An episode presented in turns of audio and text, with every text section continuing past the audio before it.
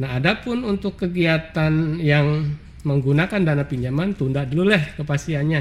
Kan memerintahkan untuk maju ya bismillah begitu ya. Kita Assalamualaikum warahmatullahi wabarakatuh. Bertemu lagi dengan saya Nindya di acara podcast Wakil Rakyat DPRD Provinsi Banten. Pada kesempatan yang di pagi cara ini, saya ditemani oleh salah satu politikus dari Partai Keadilan Sejahtera, Bapak Gembong Rudiansyah Sumedi. Iya. Iya, Pak ya. Gimana kabarnya, Pak? Alhamdulillah sehat alhamdulillah. Iya.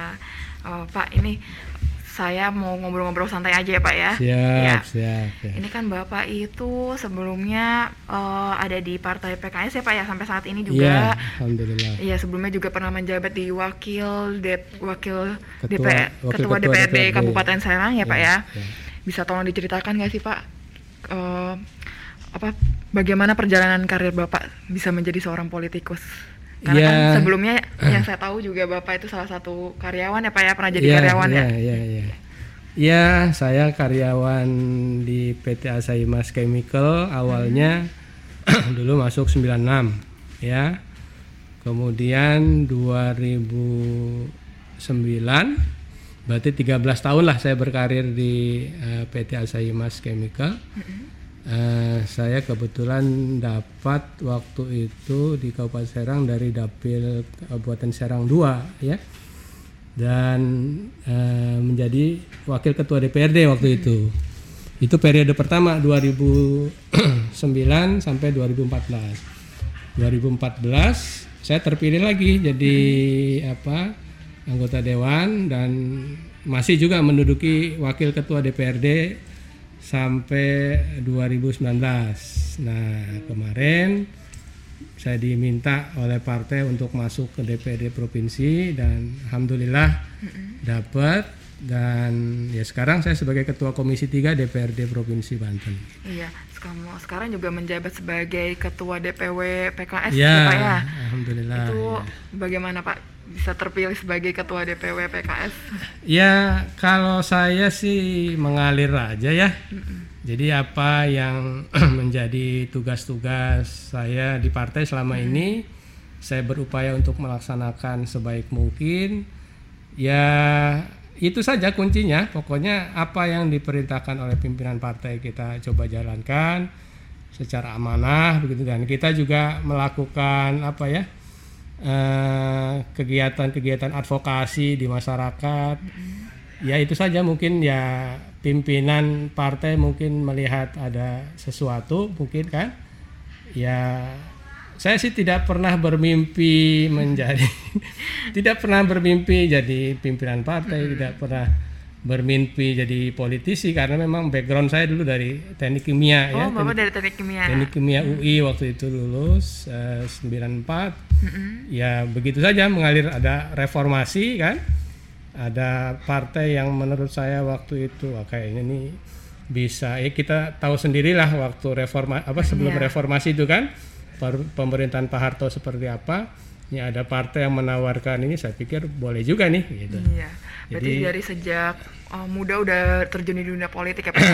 ya dari mahasiswa lah Iya, dari saya mahasiswa. mahasiswa memang senang berorganisasi Iya. gitu.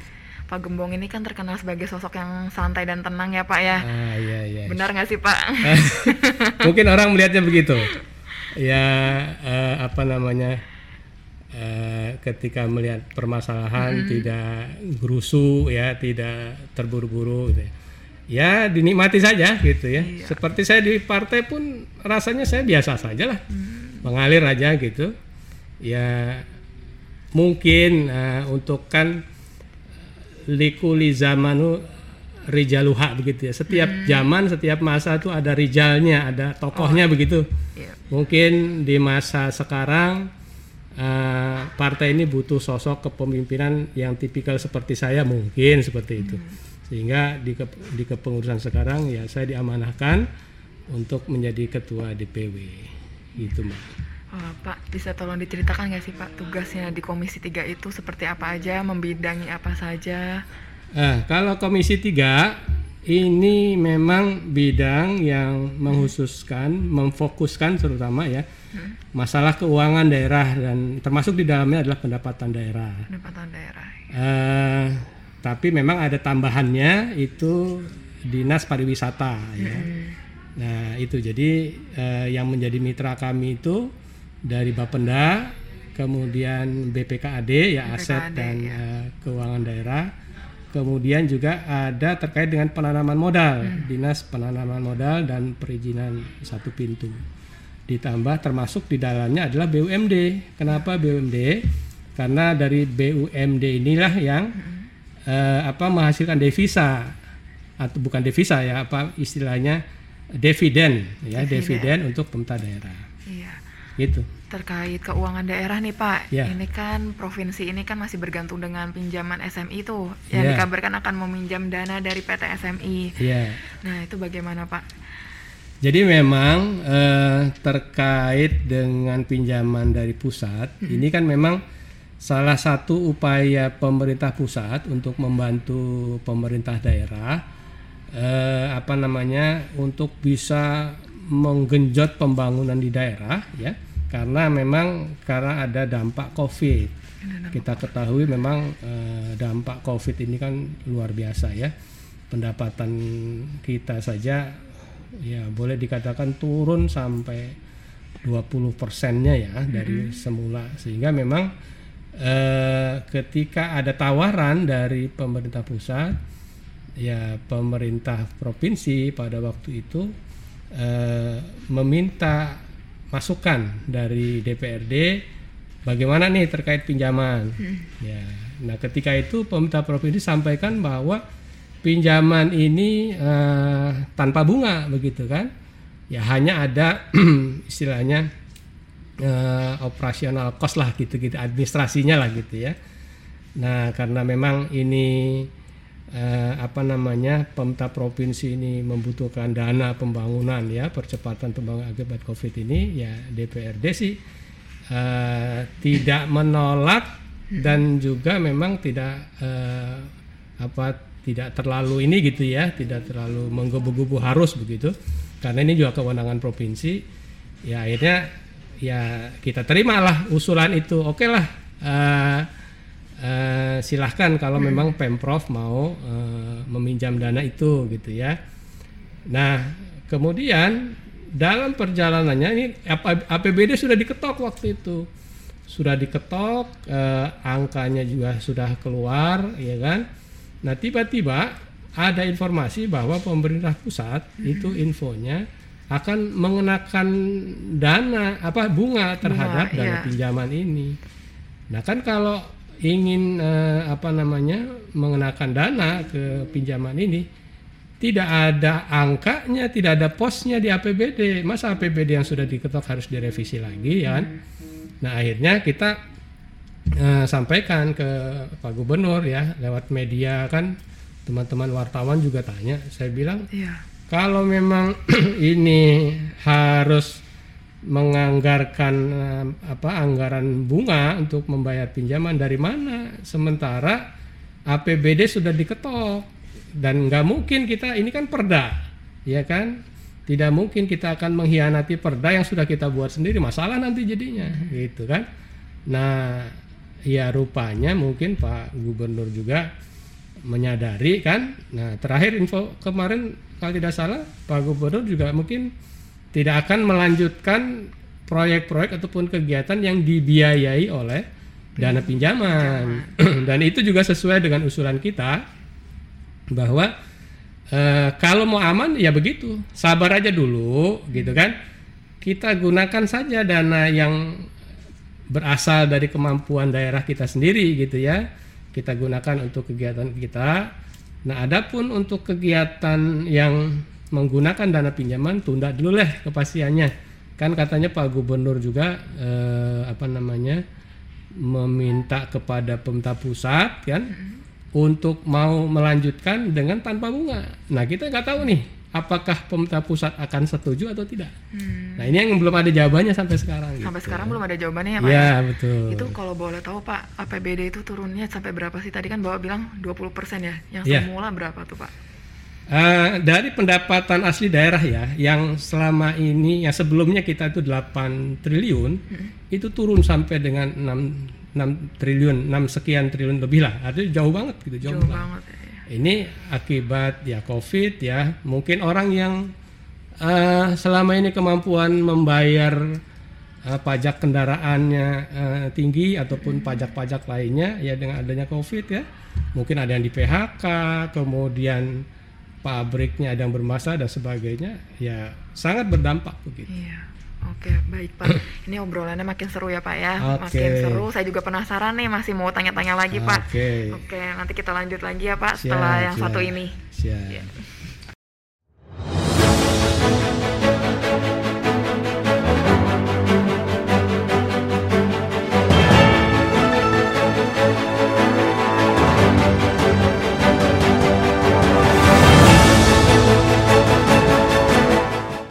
Masih dengan saya Nindya di acara podcast Wakil Rakyat DPRD Provinsi Banten, masih bersama dengan Pak Gembong. Pak, tadi kan kita udah bahas banyak nih Pak tentang uh, eh, DBHP, terus permasalahan Bank Banten, sampai ke pinjaman PT SMI juga ya Pak ya. Ini kan tadi seperti yang Bapak bilang itu bakal berpengaruh pada pembangunan infrastruktur tentunya. Bisa disebutkan nggak Pak infrastruktur yang kira-kira menjadi prioritas dari DPRD Provinsi Banten itu apa dulu sih Pak yang bakal dibangun dari dana yang bukan pinjaman? Oh yang bukan pinjaman.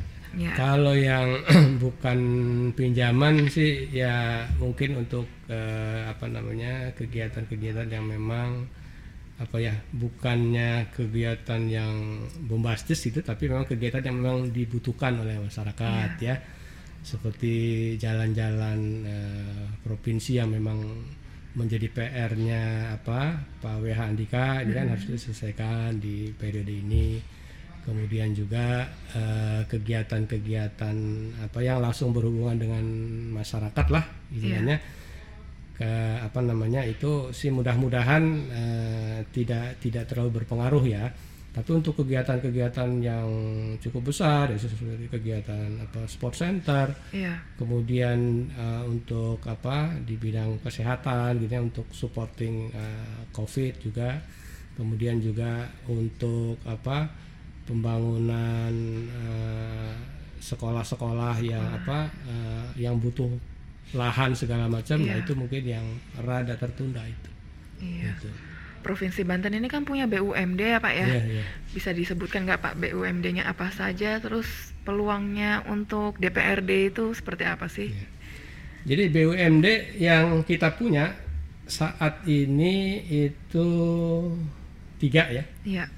yang pertama adalah BGD yang kedua adalah Jam Kerida dan yang ketiga baru kemarin itu BUMD Agrobisnis Mandiri hmm. PT ABM ya. Yeah. Nah itu uh, yang uh, selama yang baru terbentuk lah kira-kira begitu ya. Uh, adapun kalau untuk uh, Bank Banten hmm. ya memang belum diinikan sebagai BUMD ya karena memang dia itu anak perusahaannya BGD ya tapi memang ke depan sih kita berharap bahwa Bank Banten ini memang menjadi BUMD yang terpisah lah artinya mandiri. Ya. jadi BUMD sendiri. Nah dari tiga itu ya BGD kemudian Jam Krida dan terakhir PT ABM ya agrobisnis eh, mandiri. Ini untuk BGD ini memang sejak awal dibentuknya ini banyak masalah ya. ya. Sampai kan kita tahu kemarin juga banyak beberapa mantan direkturnya yang akhirnya menjadi uh, tersangka begitu ya dan hmm. lainnya sudah difonis juga kalau tidak salah. Ya. Nah dari BGD yang masih menghasilkan uh, ini apa profitnya itu dari eh, apa namanya kegiatan di bandara. Hmm. Jadi di bandara itu ada eh, apa namanya eh, semacam apa ya untuk transporter apa begitu hmm. ya. Nah itu dikelola oleh BGD hmm. walaupun memang tidak BGD sendiri tapi dia bekerja sama dengan pihak ketiga. Yeah ya adalah pemasukannya cuma memang ya masih kecil lah ya pemasukannya nah tiga tiga sampai 4 miliar lah setahun. Tapi itu memberi keuntungan ke provinsi nggak Pak? Ada ada ada. Kita uh, apa namanya tetap meminta kepada BGD seberapapun yang itu tetap masuk hmm. uh, sebagai uh, dividen. Ya. Ada ya. Cuma istilahnya dari modal yang kita serahkan dengan pendapatan jauh banget. Jauh ya Pak ya. ya? Masih jauh. Itu modalnya berapa Pak? Itu dulu sekitar uh, kalau untuk BGD sendiri gitu ya, ya. sekitar 15 miliar apa 60 miliar saya kurang begitu ya. ingat ya karena itu udah lama tuh waktu itu mm -hmm. nah sementara ya pemasukannya masih jauh lah gitu ya. kemudian yang kedua untuk jam kerida ya nah kalau untuk jam kerida ini ya istilahnya walaupun uh, apa namanya uh, modal yang diberikan itu tidak terlalu besar begitu hmm. tapi ya setiap tahun sudah memberikan keuntungan ke kita ya yeah. jam kerida makanya uh, dalam pertemuan yang terakhir memang mengharapkan agar mereka untuk disupport lagi ininya hmm. modalnya begitu kan saya bilang ya coba saja di apa disiapkan planningnya rencananya proposalnya seperti apa nanti kita bahas dengan dewan yeah. kemudian yang ketiga adalah uh, eh, PT ABM Agrobisnis Mandiri ya, yang baru dibentuk ya. Nah itu untuk PT ABM ini kita menganggarkan 75 miliar yang hmm. sudah rencana uh, siap digelontorkan ya. Yang pertama 10 miliar dan 65 miliar ini di periode uh, tahun anggaran 2021 ini. Nah untuk yang 10 miliar itu kita sudah uh, serahkan oleh pemprov kemarin di akhir Desember. Yeah. Nah, kita berharap yang sisanya yang 65 ini juga harusnya sudah diserahkan nih harusnya begitu. Saya juga belum ada komunikasi lagi dengan PT ABM gitu ya. Karena memang bagaimana PT ABM ini akan uh, bisa bergerak hmm. kalau memang modalnya tidak ada. Tidak Sementara ada. nih modal sangat dibutuhkan nih ya. Kan pesannya Pak Gubernur jangan sampai ada beras Banten yang keluar dari Banten. Oh, iya, nah, betul. tahapan pertama ini bagaimana nih kan uh, sebentar lagi apa ya akan akan ada panen raya nih. Panen rayanya sudah selesai pak? Oh sudah selesai, mau oh, udah selesai malah ya. Waduh. iya. Nah itu harusnya kan sudah dibeli itu gabahnya itu, iya. ya kan? Walaupun memang sekarang belum punya penggilingan, kan rencananya tahap awalnya mereka akan buat RMU ya, rice milling unit. Iya jadi gabah yang sudah dibeli oleh uh, eh, PT ABM nanti digiring dan akan dijual gitu. Hmm. Gitu. Dari Komisi 3 sendiri nih Pak, tadi kan terkait PT ABM itu ya Pak ya, ya itu kan bergerak di bidang apa pertanian ya Pak ya? Ya, pangan, pertanian, ya. Perikanan, terus per, apa peternakan juga. Uh, untuk masalah impor beras nih Pak, isu ya. impor beras itu menurut pandangan Pak Gembong seperti apa sih? terkait ya, BUMD-nya ini ya, juga kan? mestinya gitu ya dengan kondisi uh, apa produksi beras yang melimpah begitu saat ini tidak perlu pemerintah harus mengimpor begitu. Hmm. Ini memang kendala saya saya perhatikan nih di pemerintah pusat. Jadi antara Kementerian Pertanian dengan Kementerian apa Indak gitu ya. ya. Ini enggak enggak apa enggak matching begitu. Hmm. Ya. Kementerian Pertanian mengharapkan udah swasembada ini tidak perlu impor, ya. tapi entah kenapa itu Kementerian Perdagangannya ada mau rencana impor beras ya. ini. Kita sih kalau bicara Banten misalkan ya, rasanya cukup lah untuk di Banten nih ya. udah swasembada gitu kan. Nah tinggal bagaimana nih ke depan kita harus betul-betul mengemas BUMD itu betul-betul terasa manfaatnya buat hmm. para petani nelayan, peternak begitu. Iya. Ya jangan sampai keberadaan uh, uh, apa BUMD agrobisnis ini justru tidak mensupport para petani nelayan peternak begitu ya justru uh, justru akan menimbulkan oligarki baru begitu iya, kita tidak ingin begitu jadi sejak awal kita sudah pesankan kepada uh, direksi PT ABM ini ayo keberadaan PT ABM ini harus betul-betul manfaatnya dirasakan oleh para petani, yeah. ya peternak, nelayan. Coba bayangkan panen raya tahun lalu itu justru petani itu bingung mau menjual gabah. Kenapa? Hmm. Karena gabah yang di tahu apa yang akan dibeli mau dibeli tapi dengan harga rendah. Oh iya. Gimana dia akan balik modal pupuknya perlu dana ya kan bibitnya perlu dana sementara ketika sudah panen harganya jatuh. Waduh kasihan sekali saya sedih Iya. banget itu ngeliat Sampai kondisi saat ini petani. gabahnya juga masih Betul. turun, Pak. Saya dengar-dengar itu dari para petani. Iya, inilah ini kewajiban pemerintah ini Iya. bagaimana agar eh, petani ini bisa sejahtera. Kan Iya, betul. sebagian besar penduduk kita tinggalnya di pedesaan. Iya. Kalau petani, peternak, nelayan sejahtera, insya Allah masyarakat Banten juga sejahtera. Iya, betul ya, Pak. Iya. Iya. Oh, Pak, tadi kan Bapak juga cerita nih, eh, Komisi 3 itu membidangi pariwisata juga ya, Pak ya? iya, iya. Itu pariwisata di Banten bagaimana, Pak? Sampai Ya. saat ini? Jadi memang kalau kita bicara pariwisata di Banten, memang beberapa kali saya sampaikan dinas pariwisata ini seolah-olah menjadi pelengkap saja di Banten begitu. Padahal kalau kita melihat apa potensi pariwisata di Iya, Banten betul. luar biasa begitu kan. Nah, tinggal bagaimana kemampuan apa namanya eh, pemerintah provinsi ya dalam hal ini dinas pariwisata gitu untuk bisa terus mempromosikan begitu kan kemudian juga kita apa sampaikan kepada masyarakat bahwa ketika eh, berkunjung ke tempat-tempat wisata di Banten ini mereka akan terpuaskan gitu kan kita ataupun kita dari Komisi 3 juga berharap jangan sampai kasus-kasus seperti orang makan di warung kemudian tiba-tiba harganya ditembak iya, kan ada tuh Iya. beberapa waktu yang lalu ya kan Iya. Eh, makan di mana di tempat wisata apa di seperti yang terjadi di Anyar, Pak. di Anyer Iya, ya saya kan kali. Makan di sana ternyata mereka kecewa nah Iya. bahaya nih mereka upload saja di media sosial udah berantakan citra yang sudah dibangun akan rusak hanya gara-gara seperti ini nah ini juga eh, apa namanya mesti betul-betul diperbaiki begitu ya Iya. Ya insya Allah sih kita dari Komisi 3 komitmen ya kita, eh, apa namanya dengan Dinas Pariwisata sepanjang itu apa bisa memberikan leverage ya daya ungkit untuk meningkatkan wisatawan, ayo kita sama-sama Iya. support gitu ya dari sisi Sama-sama membangun anggaran. Banten lewat pariwisata betul. ya, Pak ya.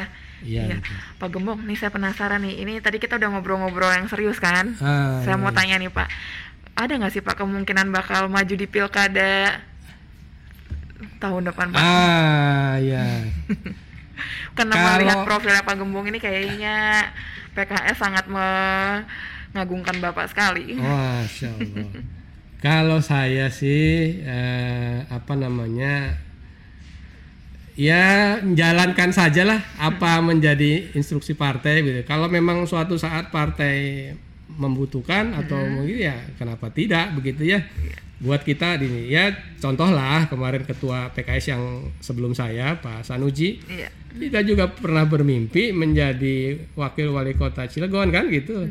Tapi ketika partai menunjuk harus jalan ya ya begitulah kira-kira. Nah, jadi kalau buat kami di PKS eh, ketika partai sudah memutuskan untuk apa namanya memerintahkan untuk maju ya Bismillah begitu ya.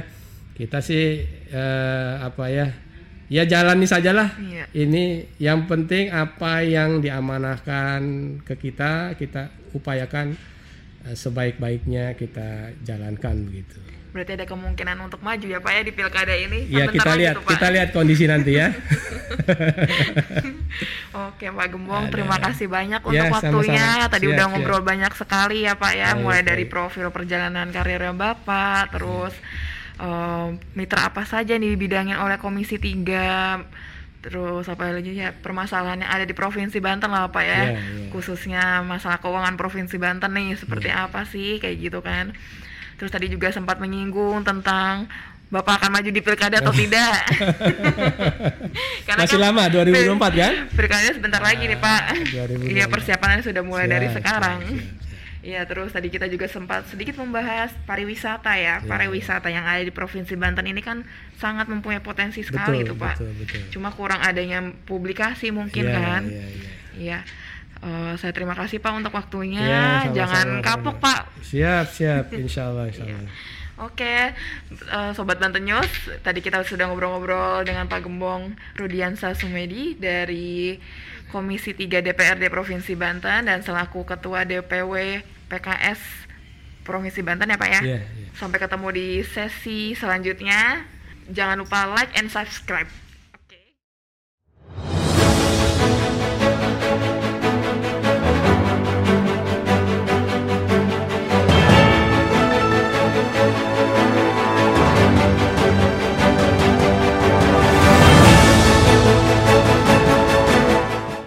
Masih dengan saya Nindya di acara podcast Wakil Rakyat DPRD Provinsi Banten. Masih bersama dengan Pak Gembong.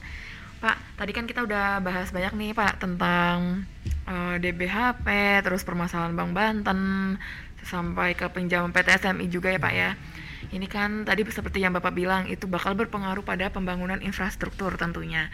Bisa disebutkan nggak Pak infrastruktur yang kira-kira menjadi prioritas dari DPRD Provinsi Banten itu apa dulu sih Pak yang bakal dibangun dari dana yang bukan pinjaman? Oh yang bukan pinjaman. Ya. Kalau yang bukan pinjaman sih ya mungkin untuk eh, apa namanya kegiatan-kegiatan yang memang apa ya bukannya kegiatan yang bombastis itu tapi memang kegiatan yang memang dibutuhkan oleh masyarakat yeah. ya. Seperti jalan-jalan uh, provinsi yang memang menjadi PR-nya apa Pak WH Andika ini kan harus diselesaikan di periode ini. Kemudian juga eh, kegiatan-kegiatan uh, apa yang langsung berhubungan dengan masyarakat lah istilahnya. Yeah ke apa namanya itu sih mudah-mudahan uh, tidak tidak terlalu berpengaruh ya tapi untuk kegiatan-kegiatan yang cukup besar ya seperti kegiatan apa sport center yeah. kemudian uh, untuk apa di bidang kesehatan gitu ya untuk supporting uh, covid juga kemudian juga untuk apa pembangunan sekolah-sekolah uh, yang apa uh, yang butuh lahan segala macam iya. nah itu mungkin yang rada tertunda itu iya. Gitu. Provinsi Banten ini kan punya BUMD ya Pak ya iya, iya. bisa disebutkan nggak Pak BUMD-nya apa saja terus peluangnya untuk DPRD itu seperti apa sih iya. jadi BUMD yang kita punya saat ini itu tiga ya iya. yang pertama adalah BGD yang kedua adalah Jam Kerida dan yang ketiga baru kemarin itu BUMD Agrobisnis Mandiri hmm. PT ABM ya. Yeah. Nah itu uh, yang uh, selama yang baru terbentuk lah kira-kira begitu ya. Uh, adapun kalau untuk uh, Bank Banten hmm. ya memang belum diinikan sebagai BUMD ya karena memang dia itu anak perusahaannya BGD ya tapi memang ke depan sih kita berharap bahwa Bank Banten ini memang menjadi BUMD yang terpisah lah artinya mandiri. Ya. jadi BUMD sendiri nah dari tiga itu ya BGD kemudian Jam Krida dan terakhir PT ABM ya agrobisnis eh, mandiri. Ini untuk BGD ini memang sejak awal dibentuknya ini banyak masalah ya. ya. Sampai kan kita tahu kemarin juga banyak beberapa mantan direkturnya yang akhirnya menjadi eh, tersangka begitu ya dan hmm. lainnya sudah difonis juga kalau tidak salah. Ya. Nah dari BGD yang masih menghasilkan eh, ini apa profitnya itu dari eh, apa namanya kegiatan di bandara. Hmm. Jadi di bandara itu ada eh, apa namanya eh, semacam apa ya untuk transporter apa begitu hmm. ya. Nah itu dikelola oleh BGD hmm. walaupun memang tidak BGD sendiri tapi dia bekerja sama dengan pihak ketiga. Yeah ya adalah pemasukannya cuma memang ya masih kecil lah ya pemasukannya ada tiga tiga sampai empat miliar lah setahun. Tapi itu memberi keuntungan ke provinsi nggak pak? Ada ada ada kita uh, apa namanya tetap meminta kepada BGD seberapapun yang itu tetap masuk hmm. uh, sebagai uh, dividen ya. ada ya cuma istilahnya dari modal yang kita serahkan dengan pendapatan jauh banget. Jauh ya pak ya? ya masih jauh. Itu modalnya berapa pak? Itu dulu sekitar uh, kalau untuk BGD sendiri gitu ya Iya. sekitar 15 miliar apa 60 miliar saya kurang begitu Iya. ingat ya karena itu udah lama tuh waktu itu. Mm-mm. Nah sementara ya pemasukannya masih jauh lah gitu. Iya. Kemudian yang kedua untuk jam kerida ya. Nah kalau untuk jam kerida ini ya istilahnya walaupun eh, apa namanya eh, modal yang diberikan itu tidak terlalu besar begitu, tapi ya setiap tahun sudah memberikan keuntungan ke kita ya Iya. jam kerida. Makanya eh, dalam pertemuan yang terakhir memang mengharapkan agar mereka untuk disupport lagi ininya modalnya begitu kan. Saya bilang ya coba saja di apa disiapkan planningnya rencananya proposalnya seperti apa nanti kita bahas dengan dewan. Iya. kemudian yang ketiga adalah eh, PT ABM Agrobisnis Agrobisnis ya, Mandiri yang baru dibentuk ya. Nah itu untuk PT ABM ini kita menganggarkan 75 miliar yang sudah rencana eh, siap digelontorkan ya. Yang pertama 10 miliar dan 65 miliar ini di periode eh, tahun anggaran 2021 ini. Nah, untuk yang 10 miliar itu kita sudah eh, serahkan oleh Pemprov kemarin di akhir Desember. Iya. Nah, kita berharap yang sisanya yang 65 ini juga harusnya sudah diserahkan nih harusnya begitu. Saya juga belum ada komunikasi lagi dengan PT ABM gitu ya.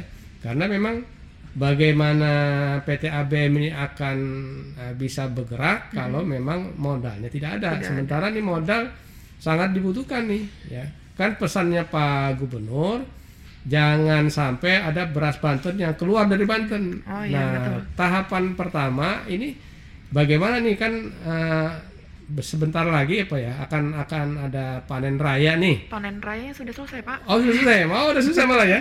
Waduh. Iya. Nah itu harusnya kan sudah dibeli itu gabahnya itu, Iya. ya kan? Walaupun memang sekarang belum punya penggilingan, kan rencananya tahap awalnya mereka akan buat RMU ya, rice milling unit. Iya.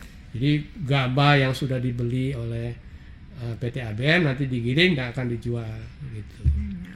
Begitu. Dari Komisi 3 sendiri nih Pak, tadi kan terkait PT ABM itu ya Pak ya, Iya. itu kan bergerak di bidang apa pertanian ya Pak Ya ya? pangan, pertanian, perikanan, terus per, apa peternakan juga. Eh, untuk masalah impor beras nih Pak, isu Iya. impor beras. Itu menurut pandangan Pak Gembong seperti apa sih?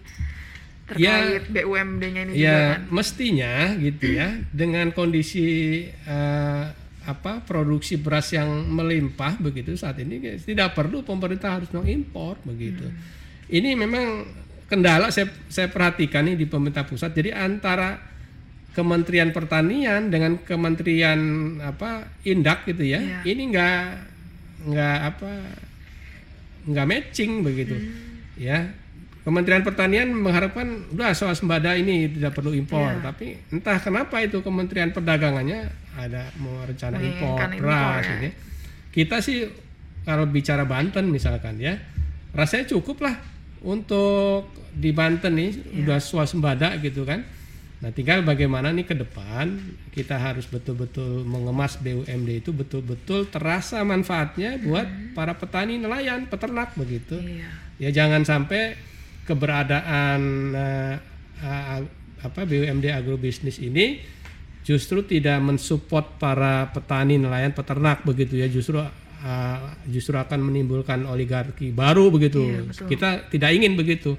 Jadi sejak awal kita sudah pesankan kepada eh, direksi PT ABM ini Ayo keberadaan PT ABM ini harus betul-betul manfaatnya dirasakan oleh para petani, ya peternak, nelayan. Coba bayangkan panen raya tahun lalu itu justru petani itu bingung mau menjual gabah. Kenapa? Karena gabah yang di tahu apa yang akan dibeli mau dibeli tapi dengan harga rendah. Oh iya. Gimana dia akan balik modal pupuknya perlu dana ya kan bibitnya perlu dana sementara ketika sudah panen harganya jatuh. Waduh, kasihan sekali saya sedih Iya. banget itu ngeliat Sampai kondisi saat ini petani. gabahnya juga masih Betul, turun, Pak. Saya dengar-dengar itu dari para petani. Iya, inilah ini kewajiban pemerintah ini Iya. bagaimana agar eh, petani ini bisa sejahtera. Kan Iya, betul. sebagian besar penduduk kita tinggalnya di pedesaan. Iya. Kalau petani, peternak, nelayan sejahtera, insya Allah masyarakat Banten juga sejahtera. Iya, betul ya, Pak. Iya. Iya. Oh, Pak, tadi kan Bapak juga cerita nih eh, Komisi 3 itu membidangi pariwisata juga ya, Pak Oh, ya? iya, iya. Itu pariwisata di Banten bagaimana, Pak? Sampai Ya. saat ini? Jadi memang kalau kita bicara pariwisata di Banten, memang beberapa kali saya sampaikan dinas pariwisata ini seolah-olah menjadi pelengkap saja di Banten begitu. Padahal kalau kita melihat apa potensi pariwisata di Iya, Banten betul. luar biasa begitu kan. Nah, tinggal bagaimana kemampuan apa namanya eh, pemerintah provinsi ya dalam hal dinas pariwisata gitu untuk bisa terus mempromosikan begitu kan kemudian juga kita apa sampaikan kepada masyarakat bahwa ketika eh, berkunjung ke tempat-tempat wisata di Banten ini mereka akan terpuaskan gitu kan. Kita ataupun kita dari Komisi 3 juga berharap jangan sampai kasus-kasus seperti orang makan di warung kemudian tiba-tiba harganya ditembak. iya, kan ada tuh Iya. beberapa waktu yang lalu ya kan? Iya. Eh, makan di mana? Di tempat wisata apa? Eh, di, seperti yang terjadi di Anyar, di Pak. Anyer Iya, ya itu kan? kali. Di- makan di sana ternyata mereka kecewa. Nah ini bahaya nih. Mereka upload saja di media sosial udah. Berantakan. Citra yang sudah dibangun akan rusak hanya gara-gara seperti ini. Nah ini juga eh, apa namanya mesti betul-betul diperbaiki begitu ya. Iya. Ya insya Allah sih kita dari Komisi 3 komitmen ya kita, eh, apa namanya dengan Dinas Pariwisata sepanjang itu apa bisa memberikan leverage ya daya ungkit untuk meningkatkan wisatawan, ayo kita sama-sama Iya. support gitu ya dari sisi Sama-sama anggaran. membangun Banten lewat betul, pariwisata betul. ya, Pak ya. Iya. Betul. Pak Gembong, nih saya penasaran nih. Ini tadi kita udah ngobrol-ngobrol yang serius kan? Ah, saya iya, mau tanya nih Pak, ada nggak sih Pak kemungkinan bakal maju di pilkada tahun depan Pak? Ah ya. Karena kalau- melihat profilnya Pak Gembong ini kayaknya PKS sangat mengagungkan Bapak sekali. Masya Allah. Kalau saya sih eh, apa namanya ya menjalankan sajalah apa menjadi instruksi partai gitu. Kalau memang suatu saat partai membutuhkan atau mungkin ya kenapa tidak begitu ya. Buat kita ini ya contohlah kemarin ketua PKS yang sebelum saya Pak Sanuji Iya. kita juga pernah bermimpi menjadi wakil wali kota Cilegon kan gitu. Tapi ketika partai menunjuk harus jalan ya ya begitulah kira-kira. Nah, jadi kalau buat kami di PKS eh, ketika partai sudah memutuskan untuk apa namanya memerintahkan untuk maju ya Bismillah begitu ya. Kita sih eh, apa ya ya jalani sajalah Iya. ini yang penting apa yang diamanahkan ke kita kita upayakan eh, sebaik-baiknya kita jalankan begitu. Berarti ada kemungkinan untuk maju ya Pak ya di pilkada ini. Ya kita lihat Pak. kita lihat kondisi nanti ya. Oke Pak Gembong, Ada. terima kasih banyak untuk Ya, waktunya. sama-sama. Tadi Siap, udah siap. ngobrol banyak sekali ya Pak ya, Baik, mulai dari baik. profil perjalanan karirnya Bapak, terus em, mitra apa saja nih dibidangin oleh Komisi 3 terus apa lagi ya permasalahan yang ada di Provinsi Banten lah Pak ya, Iya, iya. khususnya masalah keuangan Provinsi Banten nih seperti Iya. apa sih kayak gitu kan. Terus tadi juga sempat menyinggung tentang Bapak akan maju di pilkada atau tidak? Karena Masih kan lama 2024 kan? Pilkada sebentar lagi nih Pak. 2024. Iya persiapannya sudah mulai dari Siap, sekarang. siap, siap. Iya terus tadi kita juga sempat sedikit membahas pariwisata ya. Iya, Pariwisata yang ada di Provinsi Banten ini kan sangat mempunyai potensi sekali itu Pak. Betul, betul. Cuma kurang adanya publikasi mungkin Iya, kan. iya, iya. Iya. Eh, saya terima kasih Pak untuk waktunya. Iya, sama-sama, Jangan sama-sama. kapok Pak. Siap, siap, insya Allah, insya Allah. Oke, eh, Sobat Banten News, tadi kita sudah ngobrol-ngobrol dengan Pak Gembong Rudiansa Sumedi dari Komisi 3 DPRD Provinsi Banten dan selaku Ketua DPW PKS Provinsi Banten ya Pak ya. Iya, iya. Sampai ketemu di sesi selanjutnya. Jangan lupa like and subscribe.